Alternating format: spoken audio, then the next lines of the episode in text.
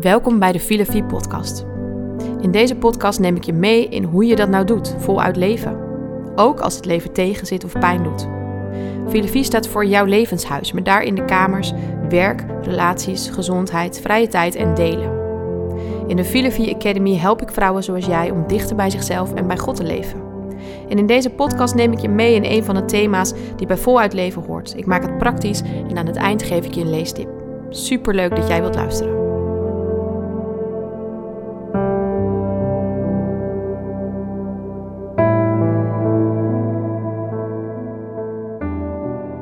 Hey, lieve mooie vrouw. Wat onwijs tof dat jij weer deze podcast hebt aangezet.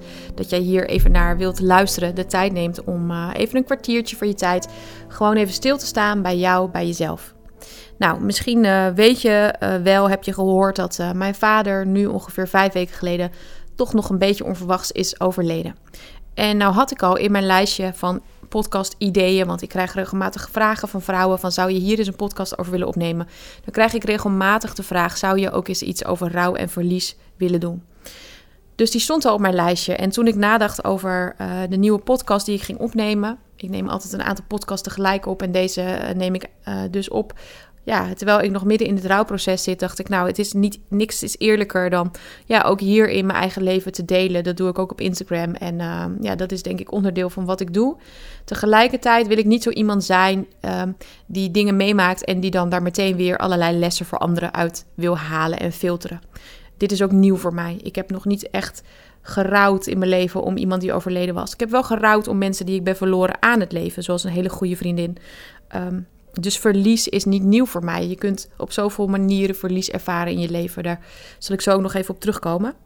Um, maar wat ik wilde zeggen is, ik wil dus niet um, hè, iemand worden die dan van elk ding wat ik meemaak dan zegt van joh, um, nou zo moet je het doen, want ik zit er nu middenin. Zo wil ik niet zijn. maar ik wil wel met je delen. Dus dat ga ik gewoon doen in deze podcast. Over rouw en verlies.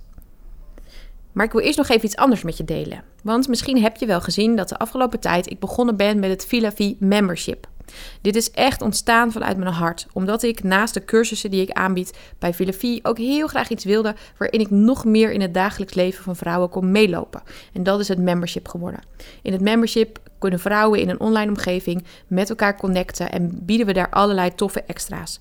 En de belangrijkste zijn eigenlijk elke maand een hele mooie masterclass met een expert. We hebben bijvoorbeeld een mooie masterclass van Priscilla Dokter gehad over je identiteit.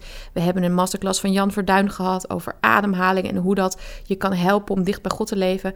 En komende maand, in juni, staat er een prachtige masterclass met Mirjam van de Vecht gepland.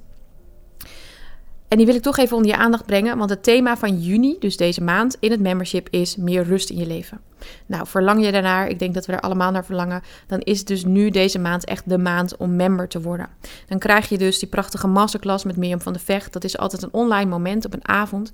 En het zijn hele fijne live momenten waarin we als vrouwen met elkaar delen, waarin de kwetsbaarheid is. Waarin we ook gewoon ontzettend veel leren. Het zijn echt inhoudelijk goede masterclasses. Er worden aantekeningen gemaakt en ik zelf ben er ook altijd graag bij. Het leuke is dat wij met het team, we zijn met een team van drie die het membership doen binnen Filofie, uh, eigenlijk hebben afgesproken, we gaan dat roleren. Dus uh, de ene masterclass is die erbij en dan die. Maar eigenlijk in de praktijk zijn we er elke keer alle drie bij, omdat we het gewoon niet willen missen. Want het zijn hele mooie avonden. Een Maria-moment hebben we. Dat is een moment waarop we samen ook online aan Jezus voeten gaan zitten. Dat doe ik zelf. Dat gaat deze maand over klaproosmomenten. Over, ja, daar ga ik het ook in deze podcast over hebben. Momenten van hoop in tijden waarin het best ingewikkeld of pittig kan zijn.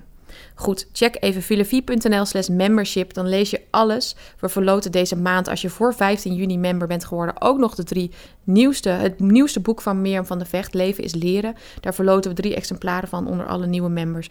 Dus het is uh, echt deze maand de kans voor je om member te zijn. En um, daarmee jezelf te voeden met uh, meer tijd met God, met verbinding met anderen en meer ruimte ook voor jezelf. Dat is mijn doel met het membership. Dus ik hoop je daar te gaan zien. filofie.nl slash membership. Dan wil ik het nu met je hebben over rouw en over omgaan met verlies. Even kort, um, mijn vader is um, overleden, toch nog onverwacht. En um, het onverwachte zat hem er vooral in dat wij in de weken voor te horen hadden gekregen dat de vader van Johannes heel erg ernstig ziek is. En ook niet heel lang meer te leven zou hebben. Nou, hoe lang weten we niet. Er zijn wel dingen over gezegd. Uh, maar dat vind ik uiteraard te privé om dat te zeggen. Bovendien weet je dat nooit. Maar wij waren natuurlijk helemaal daarmee bezig. En toen werden we op zondagavond gebeld om kwart voor tien dat mijn vader was overleden. Dus dat kwam toch nog als een enorme schok. Um, mijn vader had al meer dan tien jaar hartfalen, hartproblemen, meerdere infarcten gehad. Dus wij zijn de afgelopen jaren best wel vaak gebeld met... er was weer een infarct geweest en dan raceten we naar het ziekenhuis. En dan zaten we daar een tijdje tussen hoop en vrees en te bidden en te wachten. En eigenlijk kwam mijn vader daar altijd weer uit. Maar dit was het moment waarop we gebeld werden. Hij is al dood, hij is overleden. En dat was een schok. En het is nu uh, een aantal weken verder en ik heb inmiddels wat boeken gelezen van Manu Keersen. Dat is sowieso de boekentip meteen van deze podcast. Ik geef natuurlijk elke aflevering een boekentip. Uh, eigenlijk alle boeken van uh, Manu Keersen. Hij is een hoogleraar of een professor die heel veel over rouw schrijft. Maar op een prachtige manier, op een invoelende manier. Poëtisch ook bijna. En ik had al veel dingen over hem gezien, maar nooit echt zelf iets gelezen. Maar ik wist wel op het moment dat er rouw in mijn leven komt, ga ik van hem iets lezen. En hij schrijft ehm, heel mooie, herkenbare dingen. Wat ik bijvoorbeeld herken is dat het um, een proces is waarin je wat veel energie kost, wat in je lichaam gaat zitten. Dat merk ik. Ik heb veel pijn, uh, mijn rug, mijn, ik heb allemaal van die, van die, van die, van pijnklachtjes. Uh, ik heb vaak al wel last van mijn nek en zo, maar het is erger geworden. Een enorme moeheid. Het kost heel veel energie. Um, dingen doen kost meer energie. Dus bijvoorbeeld, nou, dit opnemen van podcast kost mij bijvoorbeeld altijd al best veel energie, omdat je heel erg aan het geven bent. Uh, maar dit alles nu nog veel meer. Omdat mijn hoofd, denk ik, mijn uitleg, gewoon zo in beslag genomen wordt door de gedachten, maar niet eens heel erg bewust. Ik reed bijvoorbeeld vanochtend hierheen, dat is in Zwolle waar ik mijn podcast opneem. En toen ben ik zo de afslag voorbij gereden. Ik had geen podcast aan, ik had geen muziek aan. En toch ineens dacht ik, hé, hey, ik zie de IKEA Zwolle, hm, die hoor ik niet te zien, was ik een afslag te ver. Dat zegt denk ik iets over hoe het je in beslag neemt. En ik denk dat dat niet alleen maar is als je aan het rouwen bent over iemand waar je veel van hield, die je bent verloren. Ik had vanochtend ook een berichtje van iemand die kinderloos is. En die zei: Eline, de dingen die jij beschrijft, die herken ik zo in de afgelopen jaren in mijn kinderloos zijn. Uiteindelijk is dat ook een proces van rouwen.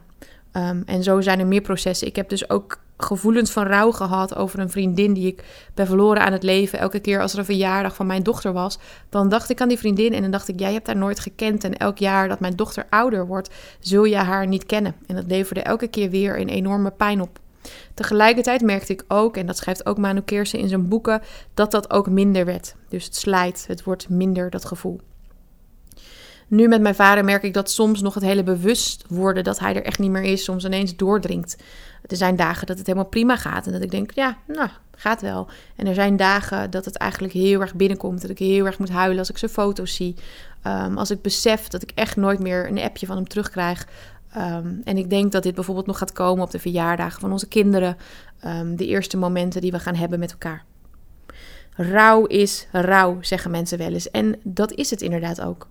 Wat ik ook een ingewikkelde daaraan vind, is dat het iets is wat je moet uitleggen aan anderen. Dus het is niet zoals een gebroken been en mensen zien het aan jou van... oh, je hebt een gebroken been, je kunt niet zo goed lopen.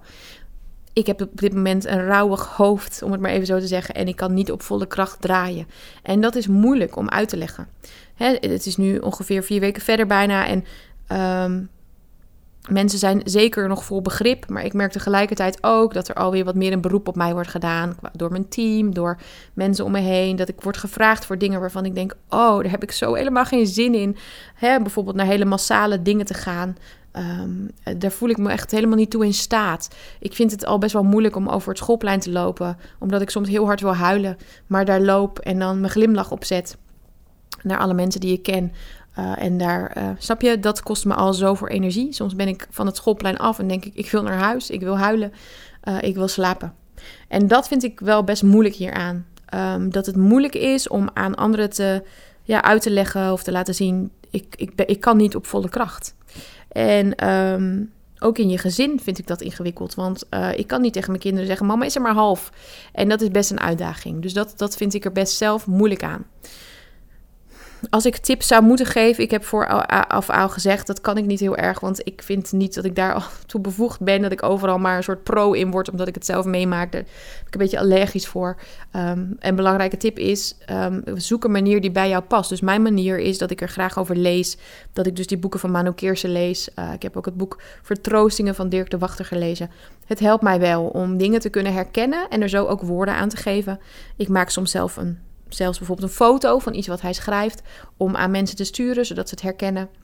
Wat ik ook wel doe is heel goed proberen af te wegen naar, uh, of te, proberen te luisteren naar mijn lichaam. Dus ik doe meditatie, zodat ik niet in de wegrenmodus ga en het druk uh, ga hebben. Nou, het mooie is dat lukt me niet eens, want dan word ik heel snel overprikkeld van. Maar ik probeer heel goed te luisteren naar: wil ik deze afspraak? Gaat die goed voor mij zijn? Um, of is het te veel? Bijvoorbeeld, ik had vorige week een afspraak met een vriendin staan om een rondje te lopen. Die heb ik afgezegd, omdat ik heel moe word van hele gesprekken voeren momenteel. Um, maar vanavond ga ik eten met een nichtje, uh, omdat ik weet dat zij zo vertrouwd voor mij is. Um, zij mijn vader goed heeft gekend. Um, ik ook heel graag wil horen hoe het met haar is. Um, en ik, ik kijk daar naar uit, snap je? Dus ik weet ook, daar zal ik energie van krijgen. Misschien kost het me ook wel energie. Dus ik probeer heel goed af te wegen. En ik probeer ook soms al te zeggen tegen mensen van... het kan zijn dat ik afzeg. En dat, daar ben ik niet zo van. Dus het helpt mij dan om te zeggen... ja, het kan zijn dat ik deze afspraak ga afzeggen... omdat ik die dag de energie niet heb. En dan zeggen mensen natuurlijk, dat begrijp ik helemaal. Dus als je een moeilijk iemand, uh, iemand bent die moeilijk kan afzeggen... helpt dit me bijvoorbeeld om dat te doen. Nou ja, zo zijn er, uh, is denk ik dan mijn belangrijkste tip als ik er één moet geven. Luister naar jezelf. Luister naar je behoeften. Luister naar je lichaam. Uh, luister naar je hoofd, naar je geest. Wat ik merk ook is dat het belangrijk is om er ruimte aan te geven. Dus soms wil ik het helemaal niet voelen uh, en dan komt het toch ineens op. En dan ga ik eerst zitten scrollen op Vinted en dingen kopen.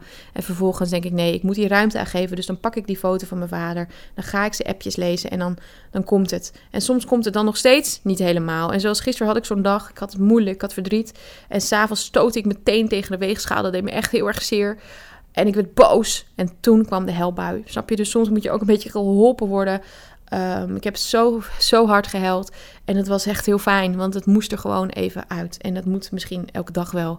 Um, maar soms kun je er ook niks aan doen en kun je wel denken: nu ga ik het laten komen en dan komt het niet.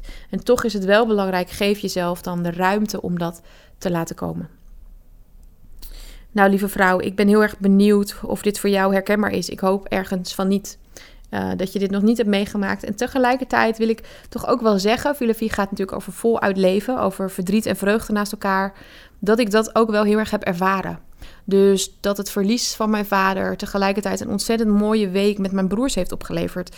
Zo mooi dat ik het van tevoren nooit had kunnen denken hoe harmonieus en begripvol en verbindend die zou kunnen zijn. Daar heb ik echt van genoten. Um, ja, van het contact met hun. En nog, ik ben graag bij ze. En wij, wij zijn eigenlijk niet super close. We hebben het goed met elkaar, maar we zijn niet heel close met elkaar. En toch merk ik dat dit echt iets heeft gebracht. Um, ik merk ook hoe ik ontzettend geniet van mijn gezin. En dat koester de liefde tussen Johannes en mij. Het zet alles ook in perspectief. Het helpt me ook om relativerender naar mijn werk te kijken en te kunnen denken: ach, het komt wel. Um, dus ik moet ook zeggen dat we kunnen proberen verlies heel erg te mijden uit ons leven. Maar ik denk dat uiteindelijk als het je leven inkomt, daar doe je niks aan, dat het dan ook de moeite waard is om te kijken wat brengt dit mij en wat leert dit mij. En dat probeer ik eigenlijk voortdurend te doen. Um, omdat het uiteindelijk ook het leven is, dood hoort bij het leven. En als je dat op een beetje een mooie manier kunt doen, ook zelf, hè, als je erover na kunt denken, hoe zou ik willen sterven? Wat wil ik? Hoe wil ik zijn? Ik vond een heel mooi iets ook uh, dat schrijft Manu ook in een van zijn boeken. Hoe we doodgaan is ook hoe we hebben geleefd. Dus onze waarden die wij belangrijk vinden in ons leven, die zullen we ook uitstralen tijdens ons ziekteproces, tijdens ons sterven. Durven wij nu dingen tegen elkaar uit te spreken, dan zullen we ook dat durven in ons stervensproces. Dus dat maakt me eigenlijk ook al heel erg bewust van hoe sta ik nu in het leven? Hoe zijn mijn waarden? Nou, dat zijn natuurlijk allemaal dingen die ik ook bij filosofie ontzettend probeer aan vrouwen te leren. Omdat ik zo geloof dat het belangrijk is om nu al te leven volgens je kernwaarden, dicht bij jezelf en dicht bij God. Dus verlies is niet alleen maar rouw. Ergens is het ook iets wat je leven een diepte geeft, je dichter bij jezelf brengt en ja, ook ergens denk ik wel dichter bij God. Hoewel ik dat nog best een lastige vind en dat durf ik ook wel eerlijk te zeggen. Afgelopen weken heb ik niet heel veel direct contact met God gehad. Ik heb wel mooi naar muziek geluisterd. Um, ik luister ook heel graag naar de liedjes van Treintje Oosterhuis, die zij zingt van haar vader Huub Oosterhuis. Die vind ik prachtig. Maar heel directe gesprekken met God heb ik niet zo goed kunnen voeren. En ik voel me daar niet schuldig over, omdat ik ook weet, God is er, Hij kent mij. Ik merk dat ik dat gewoon nog ingewikkeld vind. En dat hoort er ook bij. Dat je soms misschien God een beetje op een afstand houdt, uh, omdat je het op dat moment gewoon even niet zo goed weet. En ik weet zeker dat God dat begrijpt en dat er weer een moment komt dat ik ja, echt, echt aan zijn voeten kan zitten en weer helemaal één met hem kan zijn. Nou, mocht je willen reageren op deze podcast, mail me dan gerust even naar eline.filofie.nl. Um, deel je verhaal, vind ik alleen maar fijn. En uh, ja, dankjewel voor het luisteren. En mocht je deze podcast nou fijn vinden, dan doe je me een heel groot plezier door de Filosofie podcast te gaan delen.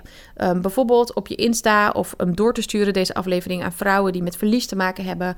Um, en vooral ook door hem op het podcastkanaal waar je luistert op het plusje te drukken, hem te gaan volgen, hem vijf sterren te geven. Daar help je mee en dan zorg je dat meer vrouwen hem gaan zien. Alvast heel erg bedankt.